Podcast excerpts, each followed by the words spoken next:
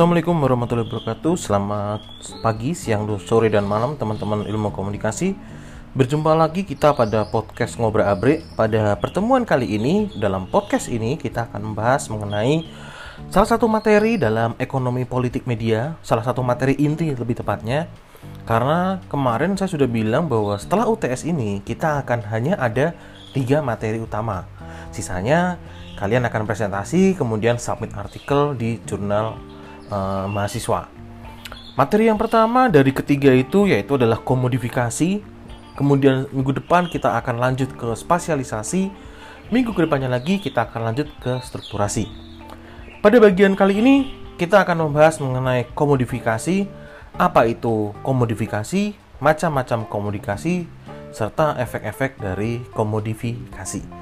Tanpa berlama-lama lagi, mari kita simak atau mari kita dengarkan podcast kita hari ini. Terima kasih.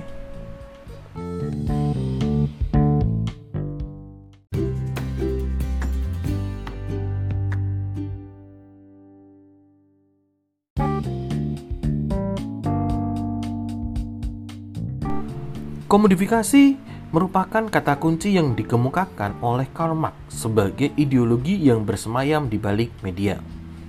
Menurutnya, kata itu bisa dimaknai sebagai upaya untuk mendahulukan peraihan keuntungan atau mendahulukan keuntungan dibandingkan dengan tujuan-tujuan media yang lain. Dalam studi media, determinasi ekonomi mewujud dalam perspektif yang melihat media semata-mata sebagai bisnis baru kapitalis Fungsi-fungsi ideologi di balik beroperasinya sebuah media hanya dilihat sebagai faktor pemanis. Jadi di sini bisa saya simpulkan, menurut Karl Marx itu adalah media itu seyogianya dia punya fungsi-fungsi utama. Ada fungsi hiburan, pendidikan, transformasi nilai, kemudian watchdog dan kawan-kawan itu fungsi-fungsi utama dari media.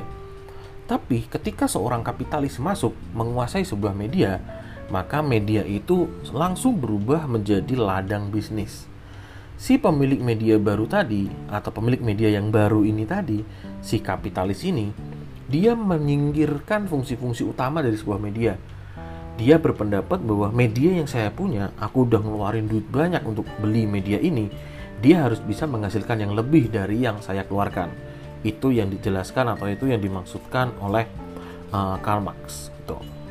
Dalam penjelasannya tentang ekonomi politik, Moskow, Vincent Moskow menyejajarkan komodifikasi dengan spasialisasi dan strukturasi. Komodifikasi diartikan sebagai proses transformasi nilai guna menjadi nilai tukar.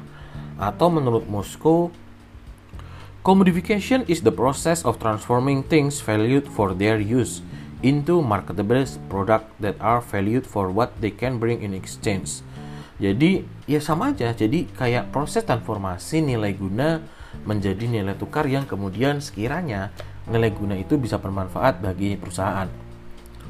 Karl Marx menyebut komodifikasi dengan istilah yang cukup ekstrim yaitu fetis. Karena dia bilang bagaimana fetisme komodifikasi atau pemujaan terhadap komoditas menunjukkan keterkaitan produk buruh dengan produk komoditas. Proses komodifikasi didefinisikan sebagai proses transformasi menggunakan nilai-nilai hidup yang digunakan manusia, yang kemudian menjadi nilai yang bisa dipertukarkan seperti nilai tukar mata uang dolar atau rupiah. Transformasi nilai produk ditentukan oleh kemampuan dalam memenuhi kebutuhan individu dan sosial. Komodifikasi sendiri menghilangkan produk dari konteks sosial, yang lebih bermakna menjadi sesuatu yang lebih bermanfaat dalam segi bisnis dan ideologi nilai. Tentunya selalu berkaitan dengan cuan atau untung. Jauh sebelum Karl Marx berpendapat seperti itu, ada seseorang namanya George Lukács. Dia berpendapat bahwa kapitalisme menguasai seluruh dimensi kehidupan masyarakat. Sehingga interaksi dalam kehidupan masyarakat ini selalu ditandai oleh pemiskinan makna hidup yang autentik. Jadi kapitalisme dianggap menurut dia, menurut George Lucas adalah hal yang mendasari terjadinya kesenjangan sosial. Kebebasan untuk mengaktualkan dimensi kemanusiaan atau humanity dalam masyarakat sebagai ciri autentiknya itu kemudian dimaknai sebagai kebebasan yang terkekang. Kebebasan itu kemudian ditukar oleh adanya aktivitas uh, pertukaran nilai uang tadi. Jadi yang bisa saya tekankan dalam komodifikasi ini adalah selalu melihat proses pertukaran nilai guna menjadi nilai yang memiliki uh, atau nilai tukar atau menjadi bisa dijadikan uh, ladang keuntungan seperti itu. Baik Lukas, Lukacs, Baran dan Davis maupun Moskow sama-sama menekankan adanya perubahan nilai guna menjadi nilai tukar. Bahkan si Lukat serta Baran dan Davis mengidentifikasikan keberadaan komodifikasi sebagai kegiatan produksi dan juga distribusi komoditas yang lebih mempertimbangkan daya tarik agar bisa dipuja oleh orang sebanyak-banyaknya. Bahkan dalam praktek ini tidak membutuhkan lagi pertimbangan konteks sosial. Jadi muara komodifikasi tentunya nggak lain dan nggak bukan adalah bisnis.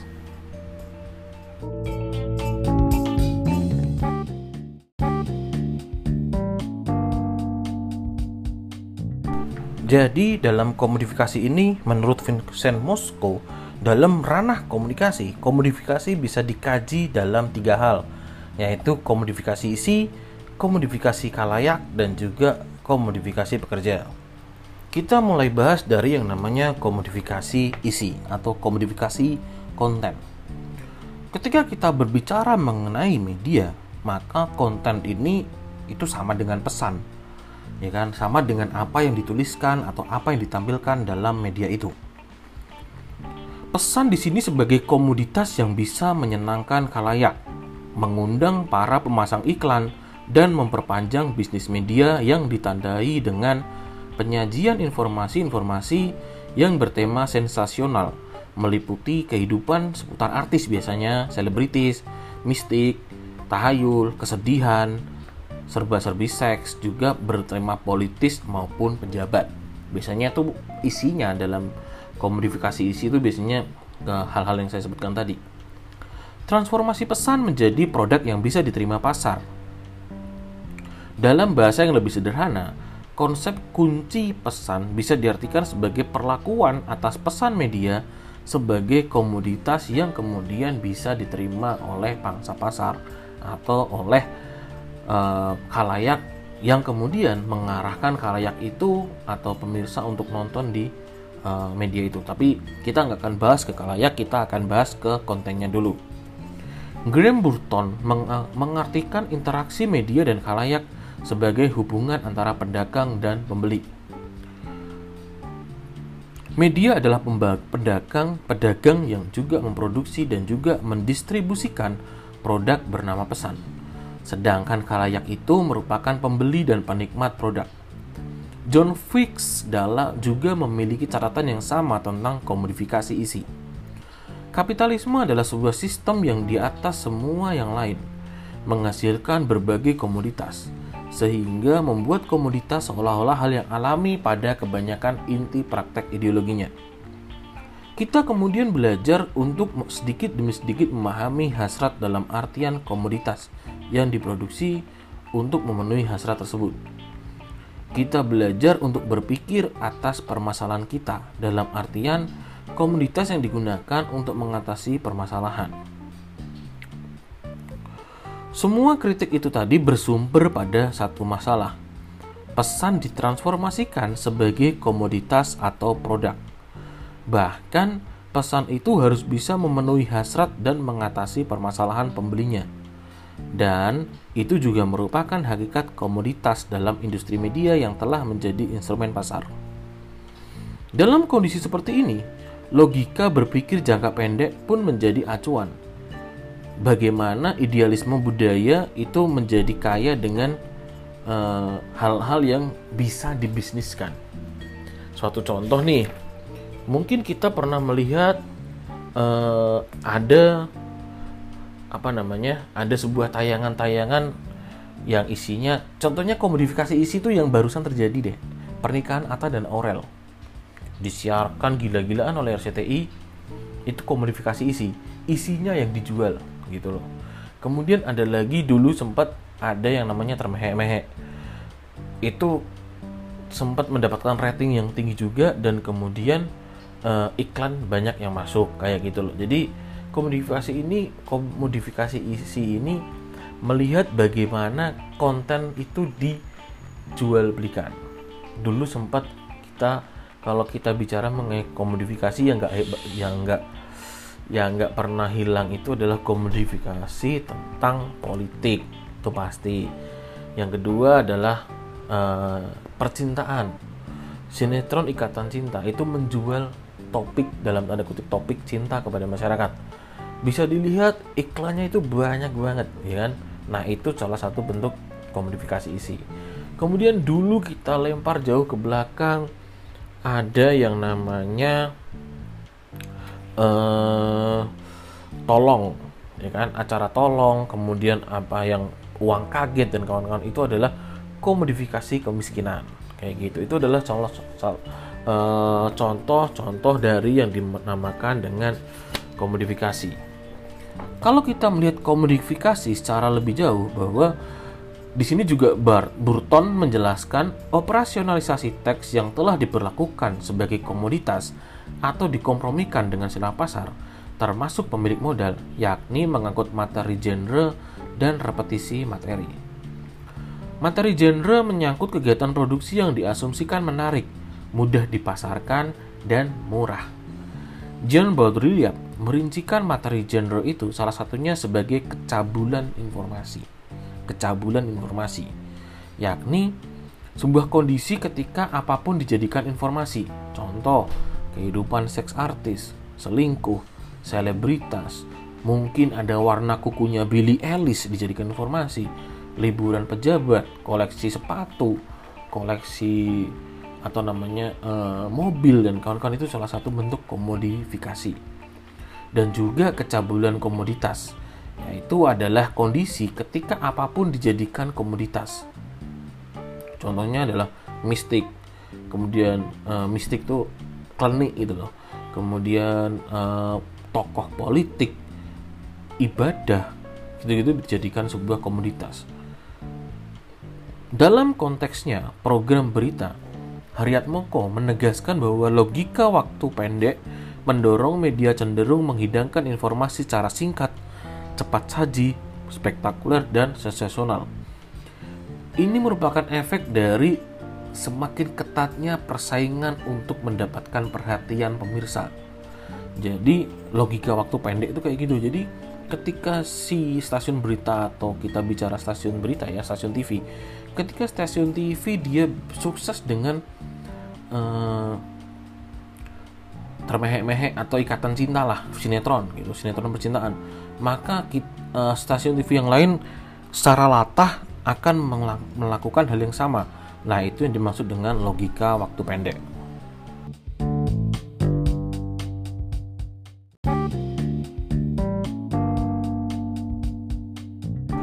Kemudian selanjutnya ada yang dinamakan dengan komodifikasi kalayak. Komodifikasi kalayak menurut Moskow mendasarkannya pada pengujian yang dilakukan oleh Nicholas Gurnham atas prinsip komodifikasi media, yakni produksi langsung produk media dan penggunaan media untuk menyempurnakan proses komodifikasi. Dari arah yang berbeda, Dallas Smith mengadopsi batasan itu untuk menunjukkan bahwa kalayak merupakan komoditas utama media massa. Media massa terbentuk dari proses yang memandang perusahaan media memproduksi audiens dan mengantarkannya mereka atau mengantarkan data audiens itu kepada para pengiklan. Pem pemrograman media digunakan untuk menarik audiens. Ini lebih dari sekedar makan siang gratis yang sering diadakan di eh, tempat-tempat uh, ramai untuk menarik pertunjung untuk minum di sana. Jadi ketik ini dianalogikan adalah tempat makan gratis. Yaitu biasanya di mall gitu kan untuk menarik pengunjung mall makan di situ gitu ini beda. Menurutnya uh, kerja audiens atau kekuatan mereka adalah produk utama dari media massa jadi media massa ini nyambung dengan komodifikasi isi tadi kalau komodifikasi itu komodifikasi isi itu uh, berusaha mengeksploitasi topik-topik yang ada di sekitar kita contohnya politik itu tadi nah kalau banyak orang yang nonton tayangan politik kita itu otomatis data penonton itu akan distorkan oleh pemilik media kepada para pengiklan. Untuk apa? Untuk melakukan nilai tukar. Nih, aku punya penonton taruh kata 10 juta orang dalam satu segmen. Kamu berani pasang iklan berapa untuk uh, segmen saya ini? Kayak gitu. Itu adalah nilai tukarnya. Media massa merupakan bagian dari proses yang melihat perusahaan media memproduksi kalayak untuk diantarkan kepada pengiklan para perancang program di media membuat program-program menarik untuk menarik minat khalayak. Serta menurut Smith, itu lebih dari sekedar makan siang gratis tadi.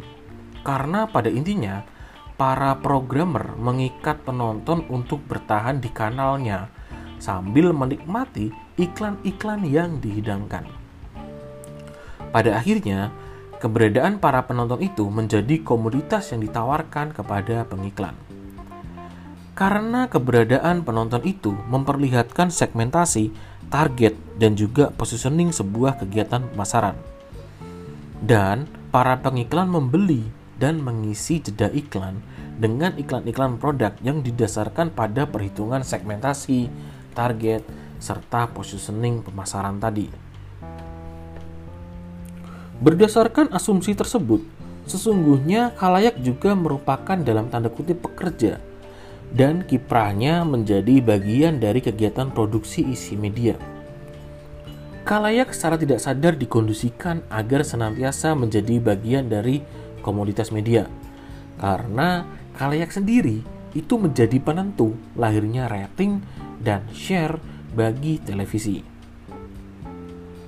Dalam kondisi seperti itu, menurut Philip Smith, kalayak itu menurut Karl Marx juga menyebutnya kalayak tidak lagi dipandang sebagai kehidupan bersama yang memiliki ciri sosial, melainkan kalayak dilihat semata-mata sebagai model bisnis, yaitu sebagai aset pasar yang dapat menyerap produk-produk yang dihasilkan industri mereka. Sekarang ini banyak loh, gila kalau kita lihat ya, setelah saya jelaskan itu kemudian saya tadi mikir bahwa gila ya nilai kita itu ditukar atau Instagram lah contohnya nggak usah jauh-jauh ke TV Instagram itu follower itu kan juga bernilai tuh follower 10 uh, 1 juta. Itu ketika dia bisa swipe up itu sekali swipe up itu dibayar berapa? Itu dilihat dari followernya. Kayak gitu juga. Dari keaktifan atau dari kalau dalam bahasa dalam bahasa digital tuh engagement. Jadi apakah berbanding lurus nih? Misal uh, Instagram saya itu bisa swipe up sudah follower saya 500 ribu. Saya sekali post itu yang nge-like contohnya adalah 300 ribu. Itu engagement itu jadi ketika follower saya 500 ribu dan juga sekali posting saya uh, postingan saya itu yang likes atau yang menyukai itu ada 300 ribu itu engagementnya jauh lebih bagus ketimbang kalian punya follower sejuta. Tapi ketika satu kali posting yang like postingan kalian itu cuma 200 ribu atau 300 ribu which is itu nggak ada setengahnya. Kayak gitu. Itu nilainya juga beda. Contohnya perusahaan Untidar contohnya pengen pasang iklan di Instagram saya. Saya boleh aja menarget satu kali swipe up 10 juta. Boleh walaupun follower saya cuma 500 ribu. Itu nilainya akan lebih besar ketimbang follower yang satu juta tadi. Tapi uh, keaktifan follower di Instagram dia di mana tadi saya jelaskan bahwa sekali posting dia yang nge-likes 200 ribu itu nilai dia akan lebih rendah daripada nilai yang saya punya. Walaupun follower saya lebih sedikit. Gitu namanya engagement. Tekan demo oke. Kemudian situasi itu situasi yang uh, model bisnis yaitu atau aset pasar itu tadi itu sangat memungkinkan karena menurut Baudrillard dalam consumer society kita hidup dalam era di mana masyarakat tidak lagi didasarkan pada pertukaran barang materi yang berdaya guna melainkan pada komoditas sebagai tanda dan simbol yang signifikansinya sewenang-wenang dan tergantung kesepakatan dalam apa yang disebut sebagai kode. Kode inilah yang disebut dengan engagement tadi. Kesimpulannya dalam komodifikasi kalayak yaitu komodifikasi, komodifikasi kalayak adalah sebuah kegiatan pengelola media dalam memperlakukan kalayak sebagai komoditas bisnis yang kemudian ditawarkan kepada pengiklan dengan menempatkan kalayak itu dalam segmentasi, target, dan positioning sebuah kegiatan pemasaran. Sekaligus juga aset pasar yang dapat menyerap produk-produk yang diiklankan. Contohnya kok tadi selalu disebutkan dengan STP atau segmentasi, target, dan positioning. Contohnya adalah ketika sebuah acara um, yang banyak elit politiknya misal uh, sebuah acara um, debat ya, debat calon debat calon gubernur gitu atau debat calon presiden itu sebenarnya uh, iklannya pun kurang lebih sama dengan uh, ketika kita menyaksikan sinetron gitu contohnya FTV atau Mas Andin eh kok Mas Andin Andin dan Mas Al gitu contohnya. Contohnya ada iklan uh, tisu basah tisu basah gitu kan mitu atau apa gitu kan. Nah bagaimana kita bisa melihat bahwa segmentasi atau STP itu tadi itu berpengaruh terhadap nilai tukarnya? Itu dari uh, positioning atau targetingnya. Jadi acara debat ini target penontonnya itu siapa? Kita bisa simpulkan bahwa mungkin uh, para elit politik mungkin atau pendidikannya tinggi uh, ekonominya tinggi juga gitu kan. Itu nilainya akan lebih tinggi dibanding dengan sama-sama perusahaan mitu tisu basah ini juga pasang iklan di politik tadi dan juga di sinetron. Itu nilainya jauh berbeda. Karena apa karena target atau positioning sinetron itu adalah mereka-mereka mungkin ibu rumah tangga atau pembantu kemudian dari kolong golongan ekonomi rendah berbeda dengan ketika acara debat presiden itu. Mungkin ekonominya uh, ekonomi B atau SESB kalau yang tadi adalah SESC SES itu adalah standar ekonomi ya. Nah itu nilainya akan jauh berbeda. Nah itu adalah nilai tukar yang berbeda tergantung bagaimana segmentasi targeting dan positioning dalam uh, pemasaran acara-acara yang produsen atau dalam media itu miliki seperti itu. Itu adalah kesimpulan dari komodifikasi kalayak.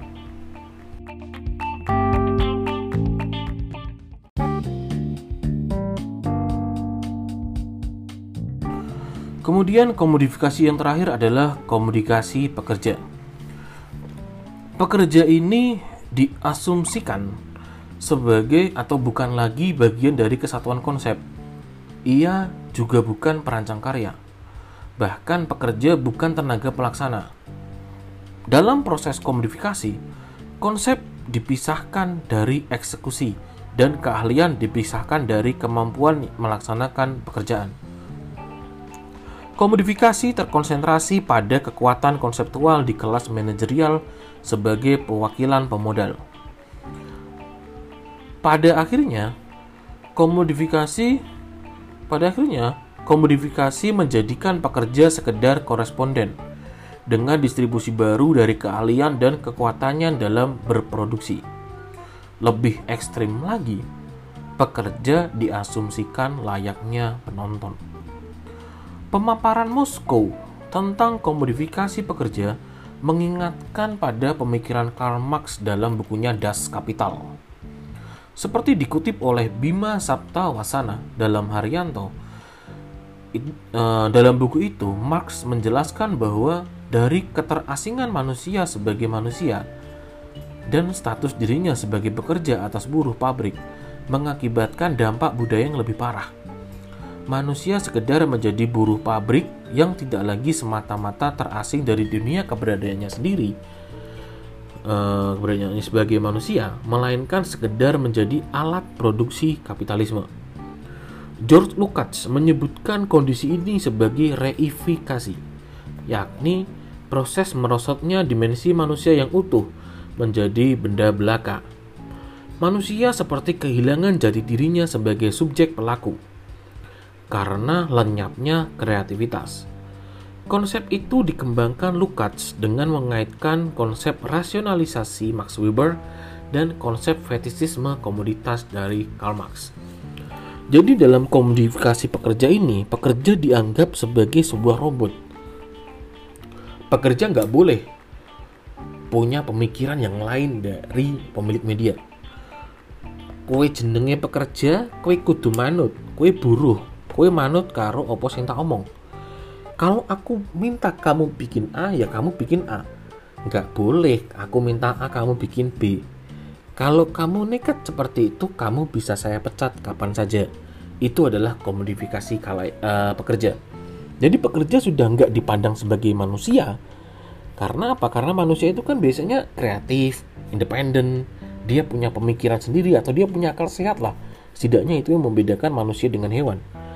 Tapi dalam komodifikasi pekerja ini, manusia dianggap sebagai orang atau sebagai suatu objek atau benda yang harus nurut harus nurut terhadap apa pun yang pemilik media mau. Kayak gitu loh. Itu yang dimaksud dengan komodifikasi kalayak. Meski demikian Deus masih memberikan sedikit kalimat hiburan bahwa profesionalisme dan proses berkesenian pun masih bisa sedikit didapat para pekerja di lingkungan media. Inilah mengapa ideologi yang kalian pegang sekarang ini biasanya akan runtuh, bahkan hilang ketika kalian sudah masuk dunia kerja. Kayak gitu. Jadi gak memang sudah menjadi rahasia umum ketika seorang wartawan masuk ke dalam terutama nih TV berita Metro TV, TV One, CNN gitu kan.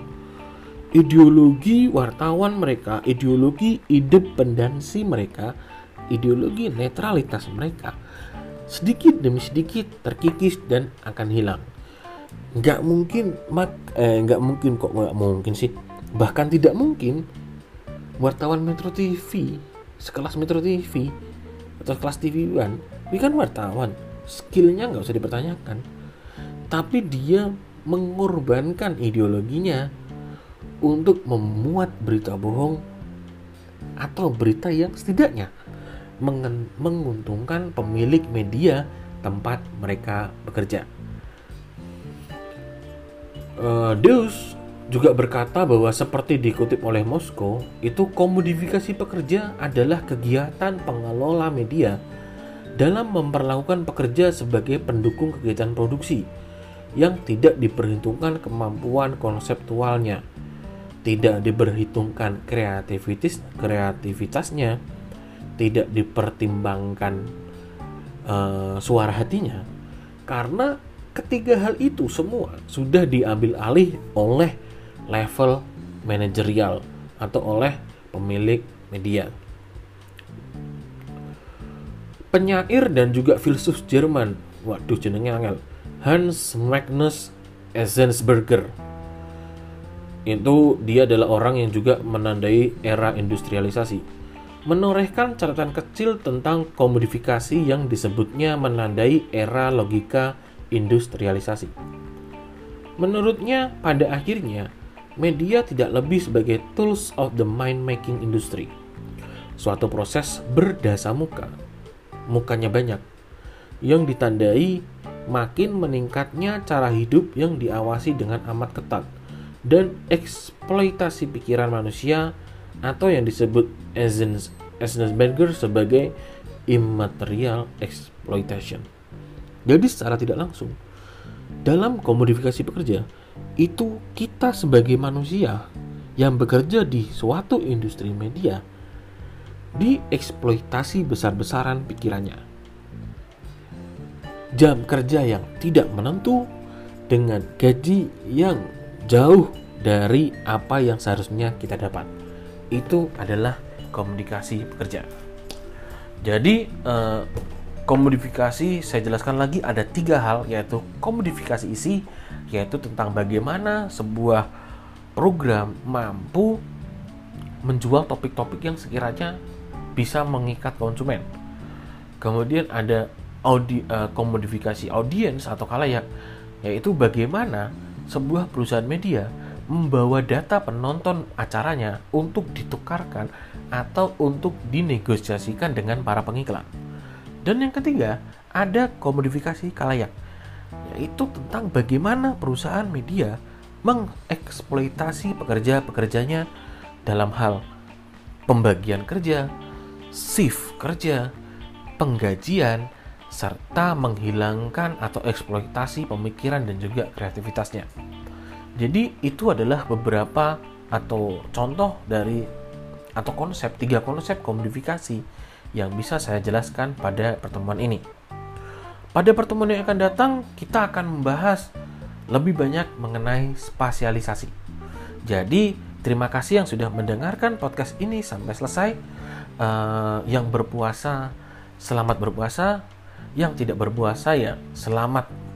Tidak berpuasa alah apa toh? Jadi akhir kata assalamualaikum warahmatullahi wabarakatuh